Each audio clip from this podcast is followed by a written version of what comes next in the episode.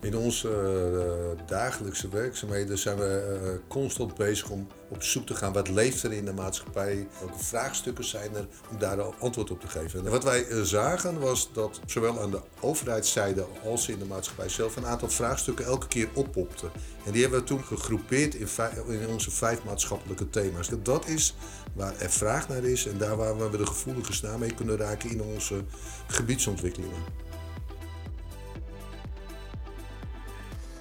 Ik ben Kees de Graaf. Vandaag spreek ik met Ronald Huikelshoven over gebiedsontwikkeling in coronatijd en over de AM-kernthema's. Van harte welkom bij deze AM-podcast. Dankjewel, Kees. Je bent uh, directievoorzitter van AM sinds uh, september 2016. Uh, je bent iemand met een passie voor het vak van gebiedsontwikkeling. Je draagt dat ook volop, volop uit, binnen en buiten het bedrijf. Maar stel nu dat je een heel ander beroep had mogen kiezen. Wat was je dan geworden? Ja, en eigenlijk ben ik eh, begonnen met een ander beroep, Kees. Ik ben eh, begonnen als restauratiedeskundige. Dus uh, ik had niks met projectontwikkeling of gebiedsontwikkeling. Ik zat in de monumenten. En als we het over passie hebben, daar zat echt mijn passie. Het opknappen van oude gebouwen, kerken, grachtenpanden. Daar ben ik in afgestudeerd en daar ben ik ook begonnen met te werken. En dat, ja, sterker nog, als een monument werd gesloopt en er kwam nieuwbouw terug, was ik echt woest. Dus ik, dus ik ben verkleurd. Dus als er niks gebeurd was onderweg, was ik nog steeds in de restauraties actief geweest. Maar wel heel bijzonder dan dat je juist in de, in de, in de wereld van de nieuwbouw terecht bent, uh, bent gekomen. Kun je daar iets kort over zeggen, over hoe dat, hoe dat is gegaan? Ja, eigenlijk komen de dingen op je pad. Toen ik als, uh, in de restauratie zat, kwam ik bij een klein bouwbedrijf terecht. De toenmalige directeur die had het bedrijf gekregen van zijn vader, want die was overleden. En die zei op zijn eerste dag dat ik er kwam, hij zei welkom, dit zijn jouw klanten, dit zijn mijn klanten en succes. Uh, nou ja, dan merk je gewoon dat je als schoolverlater te weinig weet. En eigenlijk heb ik me toen voorgenomen om makelaarsopleiding te doen. Niet om makelaar te worden, maar meer om iets over rechten en plichten te weten, over waardeontwikkeling, om zo opdrachtgevers beter te kunnen ondersteunen. En zo is het gestart en van de makelaarsopleiding ben ik uh, tijdens die opleiding ben ik naar grote restauraties gedaan. De torens rechtzetten, uh, de uitdagende opdrachten. Toen had ik nog geen kinderen. Toen was ik klaar met die makelaarsopleiding. En toen ben ik begonnen met de postdoctorale opleiding vastgoedkunde, de MRE-opleiding. En zo ben ik langzaam dat vak ingerold. En toen zei een toenmalig directeur, ja Ronald, restauraties en vastgoedkunde is wel een hele rare combinatie. Zou jij niet een stap willen zetten naar nieuwbouw, projectontwikkeling? Ja, en zo ben ik al langzaam ingerold. Maar ik denk dat het mooie van ons vak is, is dat het niet alleen nieuwbouw is, maar juist dat we altijd in een bestaande situatie bezig zijn waar oud en nieuw bij elkaar komen. En dat maakt het juist leuk. Respect voor het oude. En, uh, en dat je nieuwe dingen kan toevoegen. En dat gebeurt in het stedelijk gebied, maar dat gebeurt ook uh, in de wei, waar, waar, je te maken hebt met uh, een historische omgeving of de boerderijen in de omgeving. Dus juist daar, daar zit nou, het mooie dat je oud en nieuw kan samenbrengen. En dat maakt het volgens mij alleen maar interessanter. En is dat ook voor jou een dagelijkse inspiratie om met dit vak bezig eh, te zijn? Om juist die werelden te verbinden? Hm. Krijg je daar energie van? Ja, dat vind ik leuk om te kijken hoe je oud en nieuw bij elkaar kan brengen. Ik denk ook als we zelf ergens op zoek gaan naar een plaats buiten Nederland of een plaats in Nederland, ben je altijd op zoek naar gebieden waar een verhaal aan zit. En ik denk juist het mooie is dat als je ergens in een bestaande omgeving aan de slag gaat, dan zit er al een verhaal aan. En de kracht denk ik van ons als gebiedsontwikkelaar is hoe breng je die dan weer bij elkaar, eh, die verhalen? En daardoor kan je weer laten inspireren voor hetgeen wat je gaat toevoegen.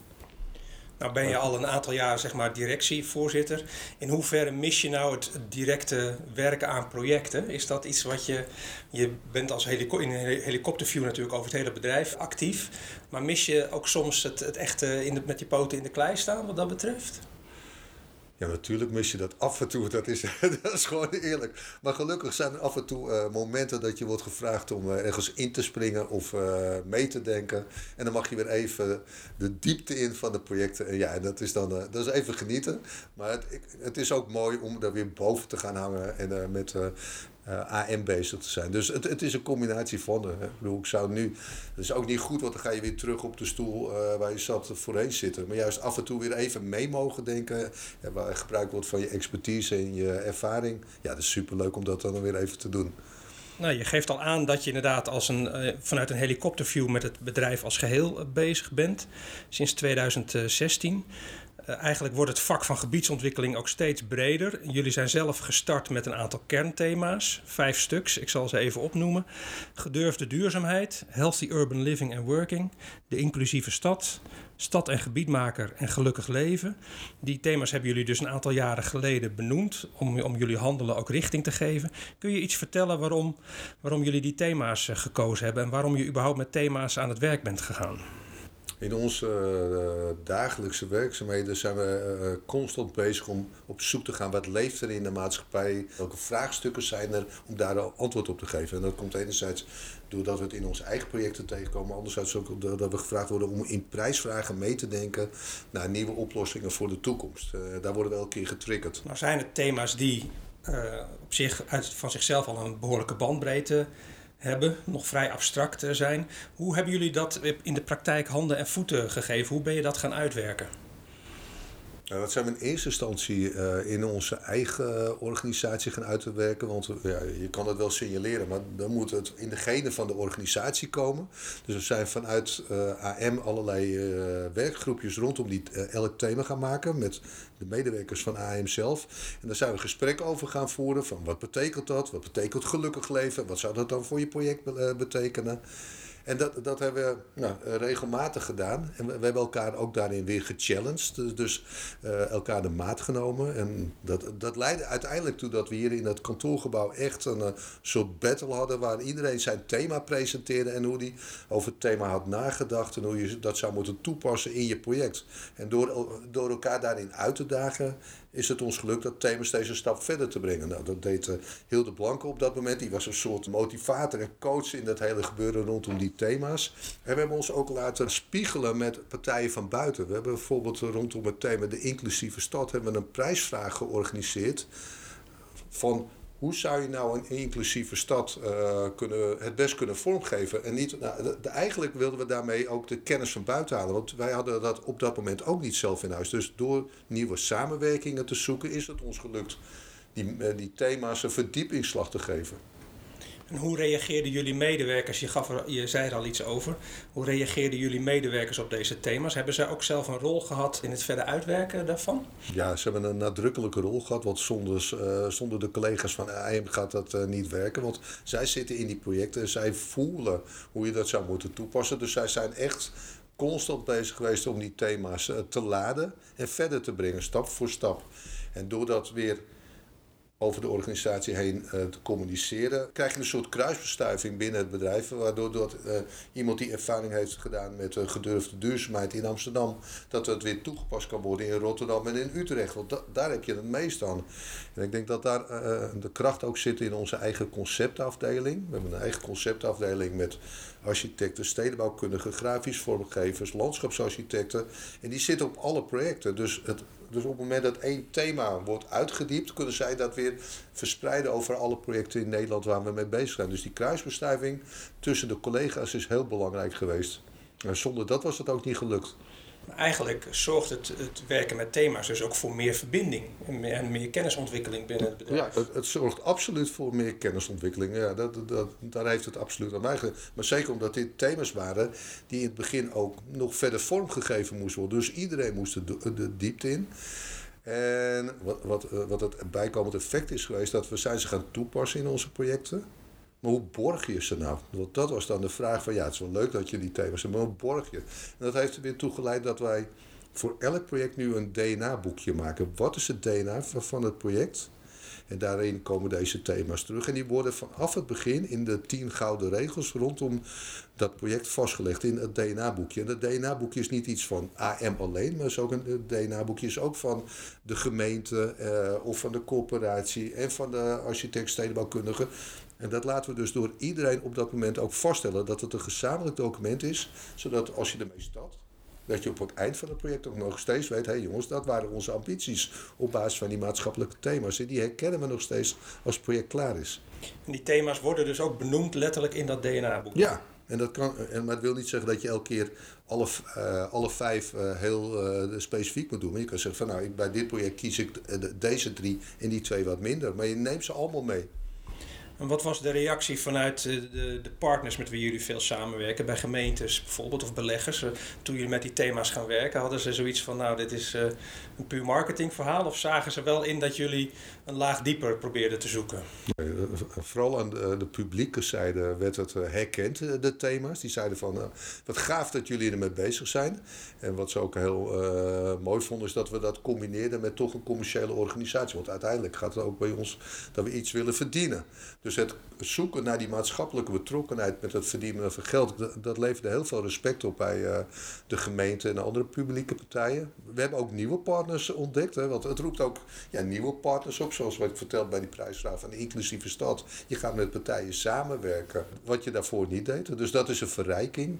En wat ik nog wel heel mooi uh, vond was toen we die prijsvraging uh, van de inclusieve stad lanceerden, stond er een mevrouw in het publiek en die zei van, die stelde wat vragen en uiteindelijk zei ze van, het lijkt wel of ik met een corporatie aan het praten ben. Toen, maar toen gaf ik aan, en dat besefte ik maar toen, pas toen zij die vraag stelde, dat wij eigenlijk heel veel mensen hebben bij ons werken die in het verleden bij een corporatie hebben gewerkt. Want je moet wel dit in je genen hebben en er enthousiast van worden om dit in je gebiedsontwikkeling of in je project toe te kunnen passen. Ja, want het is dus heel bijzonder dat je dat eigenlijk vanuit de markt dus invulling geeft. De, de, want het zijn voor een deel ook inderdaad publieke thema's of thema's die over, veel, over een lange tijdsperiode spelen bijvoorbeeld. Dus dat jullie dat juist vanuit, de, vanuit een gebiedsontwikkelaar of een project, een vastgoedontwikkelaar oppakken, is denk ik heel bijzonder. Ja, dit, lukt je ook niet. Je kan het niet in één projectje doen, eh, alles eh, realiseren. Dit kost jaren. En zeker als je met een gebiedsontwikkeling bezig bent, je bent een wijk aan het maken. Ja, want we zijn inderdaad nu een aantal jaren verder dat jullie met die thema's werken. Kun je, kun je een invloed zien op jullie manier van werken en ook op jullie projecten? Kun je een voorbeeld noemen van, waarvan je zegt, nou, daar, daar zie ik echt bijvoorbeeld die inclusieve stad of die duurzaamheid, die gedurfde duurzaamheid terug? Wordt het al tastbaar? Ja, het wordt absoluut tastbaar. En het meest tastbaar wordt het natuurlijk als, uh, als het gerealiseerd is. Dus, dus je ziet het op verschillende lagen in de tijd terug. Uh, in de projecten. Bij, als je kijkt bij eh, de Bijlmer Baaiers, daar zijn we heel nadrukkelijk gestart met die gedurfde duurzaamheid waar je net naar vroeg. Ja, daar zie je nu dat oh, de basis is bijna helemaal gesloopt. En dat al die materialen zijn geoogst. En die liggen daar opgestapeld, zodat ze weer hergebruikt kunnen worden. Dus op die manier zie je die circulariteit uh, terugkomen.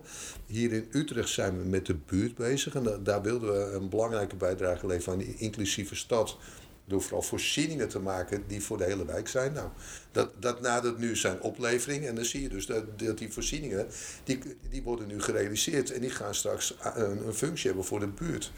En dat vind ik een hele mooie. En sommige zitten echt nog in het begin van de gebiedsontwikkeling. Bijvoorbeeld Wikkervoort in de Haarlemmermeer.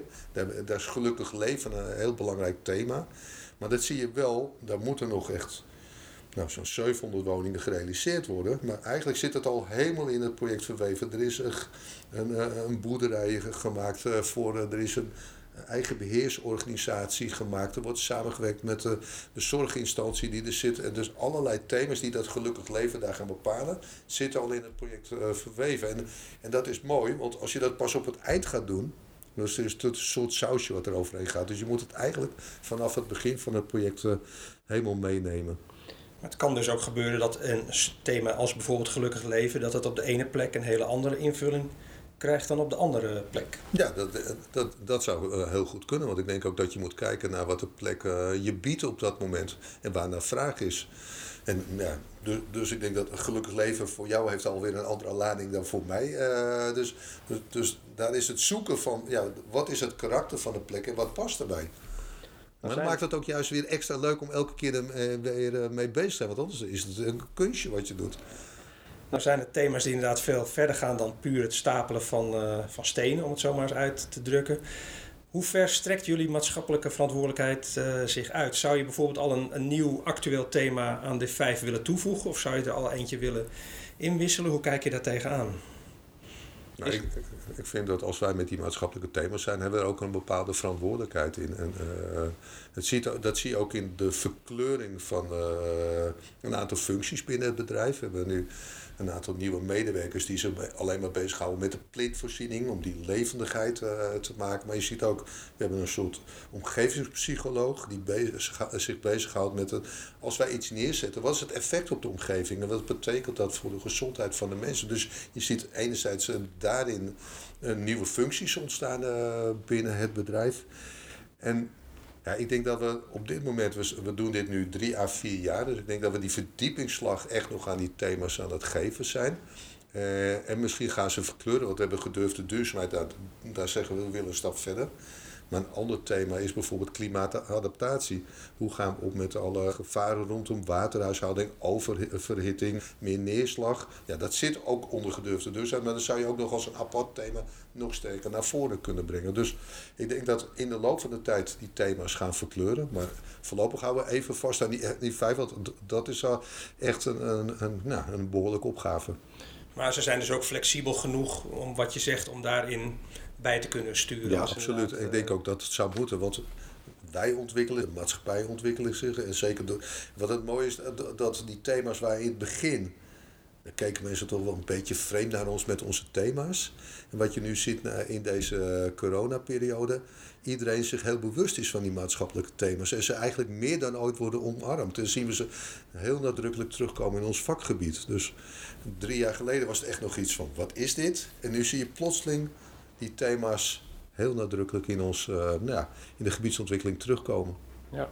Nou ja, je maakt al even eigenlijk het bruggetje naar de, naar de situatie van nu. De coronacrisis die nog steeds super actueel is in onze samenleving. Aan de ene kant is er sinds maart natuurlijk ontzettend veel uh, veranderd. Aan de andere kant zie ik jullie projecten eigenlijk nou ja, heel, heel soepel, soepel doorgaan. Wat hebben jullie gemerkt eigenlijk van die coronacrisis? Hoe heeft het jullie werkzaamheden beïnvloed? Je bent je organisatie opnieuw aan het inrichten op basis van thuiswerksituatie. Nou, dat betekent dat we veel meer met online activiteiten aan de gang zijn gegaan. Daarin is de organisatie heeft zich versneld ontwikkeld. Zowel het werken met online uh, vergaderingen, maar ook in de verkooptechnieken met uh, de kopers. Dat, dat is ook veel meer online geworden. Maar het biedt ook kansen. Plotseling kan een architect zijn verhaal aan heel veel kopers tegelijk vertellen via een online bij, uh, bijeenkomst. Dat was daarvoor stond hij met één koper of huurder een gesprek te voeren. En nu doe je er 50 tegelijkertijd. Dus er zit ook een voordeel aan, aan wat we nu hebben ontdekt.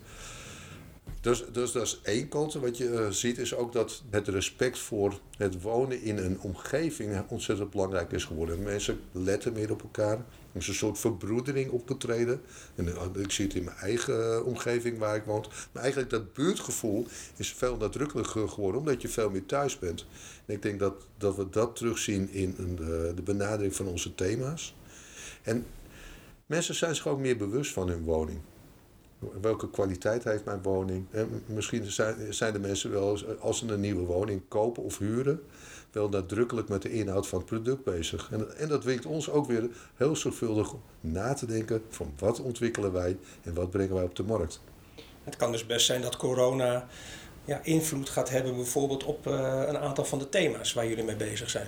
Dat zou zomaar kunnen, ja. En, en dat is het mooie dat je dus elke keer weer een nieuw laagje eroverheen brengt. Want als we het de hele tijd zelf op dezelfde manier blijven doen, ja, dan, dan zetten we geen stappen. Dus ik, ik, ik zou het zelfs heel mooi vinden als ze daar weer door evaluatie meemaken. We zien natuurlijk de, de negatieve invloeden van, van corona, maar je gaf het al even aan, dat kan ook nieuwe, nieuwe perspectieven bieden. Zie je mogelijkheden voor, voor nieuwe concepten, nieuwe, nieuwe invullingen voor het vak? Van gebiedsontwikkeling bijvoorbeeld? Nou, ik denk dat uh, de thema's waar we op ingezet hebben, kijk, uh, zoals de stadsveteranen, uh, waar we ons richten op de, doelgroep, de oudere doelgroep die met elkaar willen wonen, dat die steeds nadrukkelijk gaan worden.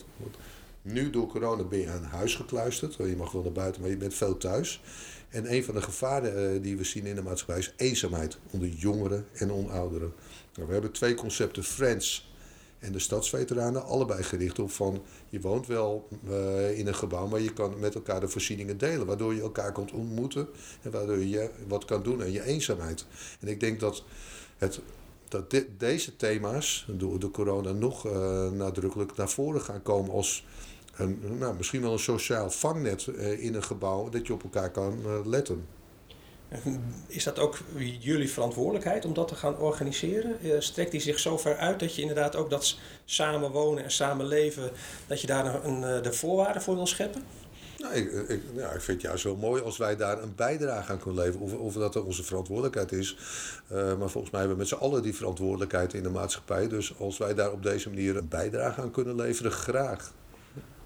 Gaat corona en, en de, de invloeden die het heeft, gaat die ook invloed hebben op de manier waarop we onze steden gaan inrichten? Zie je daar al eerste tekenen van? Lijkt me nog heel vroeg, maar... Nou, je ziet wel de eerste tekenen. En de, de eerste tekenen zitten vooral in het gebruik van de openbare ruimte. Die wordt intensiever benut. Hè. Kijk maar uh, naar iedereen die toch graag even zijn huis uitgaat. Uh, je ziet het in Parijs, Berlijn uh, en een aantal andere internationale steden. Wat eigenlijk het autoverkeer wordt teruggedrongen ten gunste van de voetganger, van het groen, van de fietsers.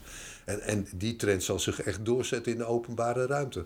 Dus dat is een kwaliteitsslag voor het gebruik van het openbaar gebied. En ik denk dat dat heel mooi is.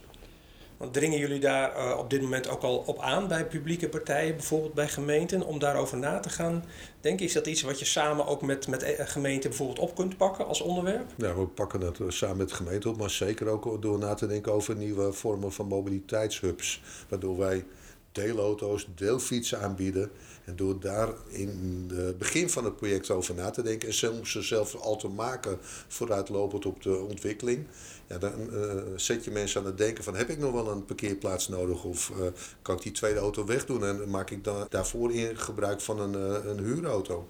Dus juist door dat te doen creëer je al meer voorzieningen voor de bewoners op voorhand.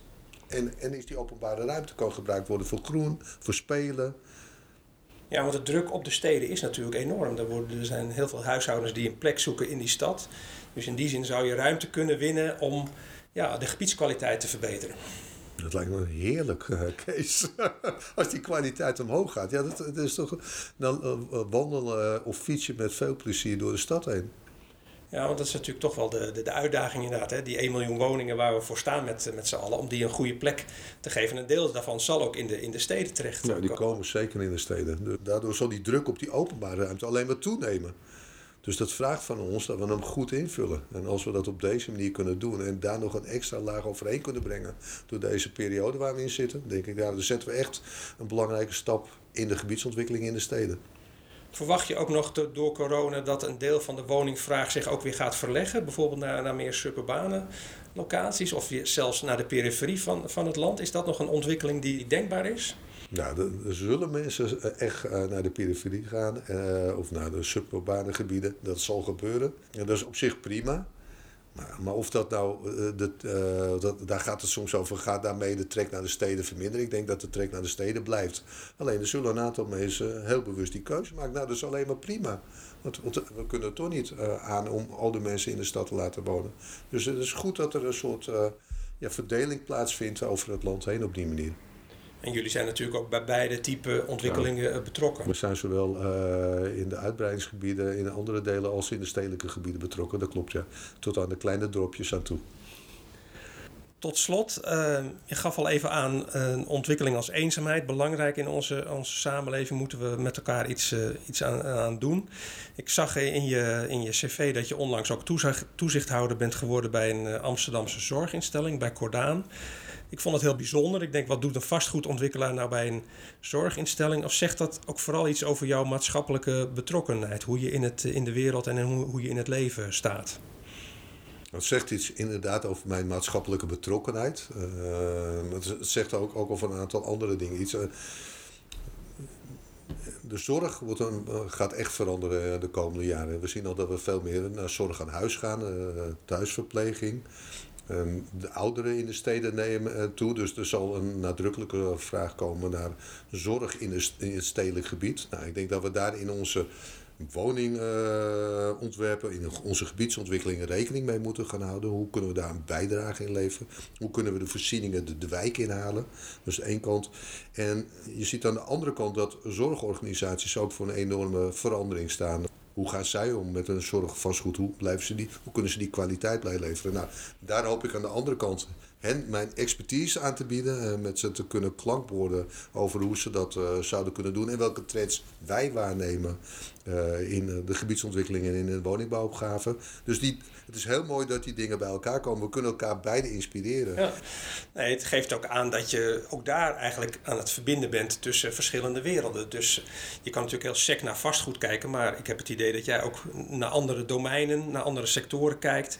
Van hoe kunnen we die weer verbinden met, uh, met, ja, met de wereld van gebiedsontwikkeling bijvoorbeeld. Nou ik denk dat dat, dat is het mooie nou van het vak gebiedsontwikkeling, want die brengt alles bij elkaar. Tenminste, dat als je het goed doet, breng je allerlei onderdelen bij gebiedsontwikkeling bij elkaar om een mooie gebied te maken. En, ik, en dat is wat mij uh, aantrekt in het vak van gebiedsontwikkelaar.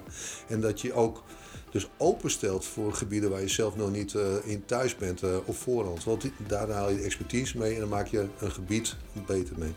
Heel fijn. Ronald Huikershoofd, heel erg bedankt voor je inspirerende bijdrage aan deze AM-podcast. En ik wens je heel veel succes in al je projecten waar je mee bezig bent. Dankjewel. Dankjewel, Kees.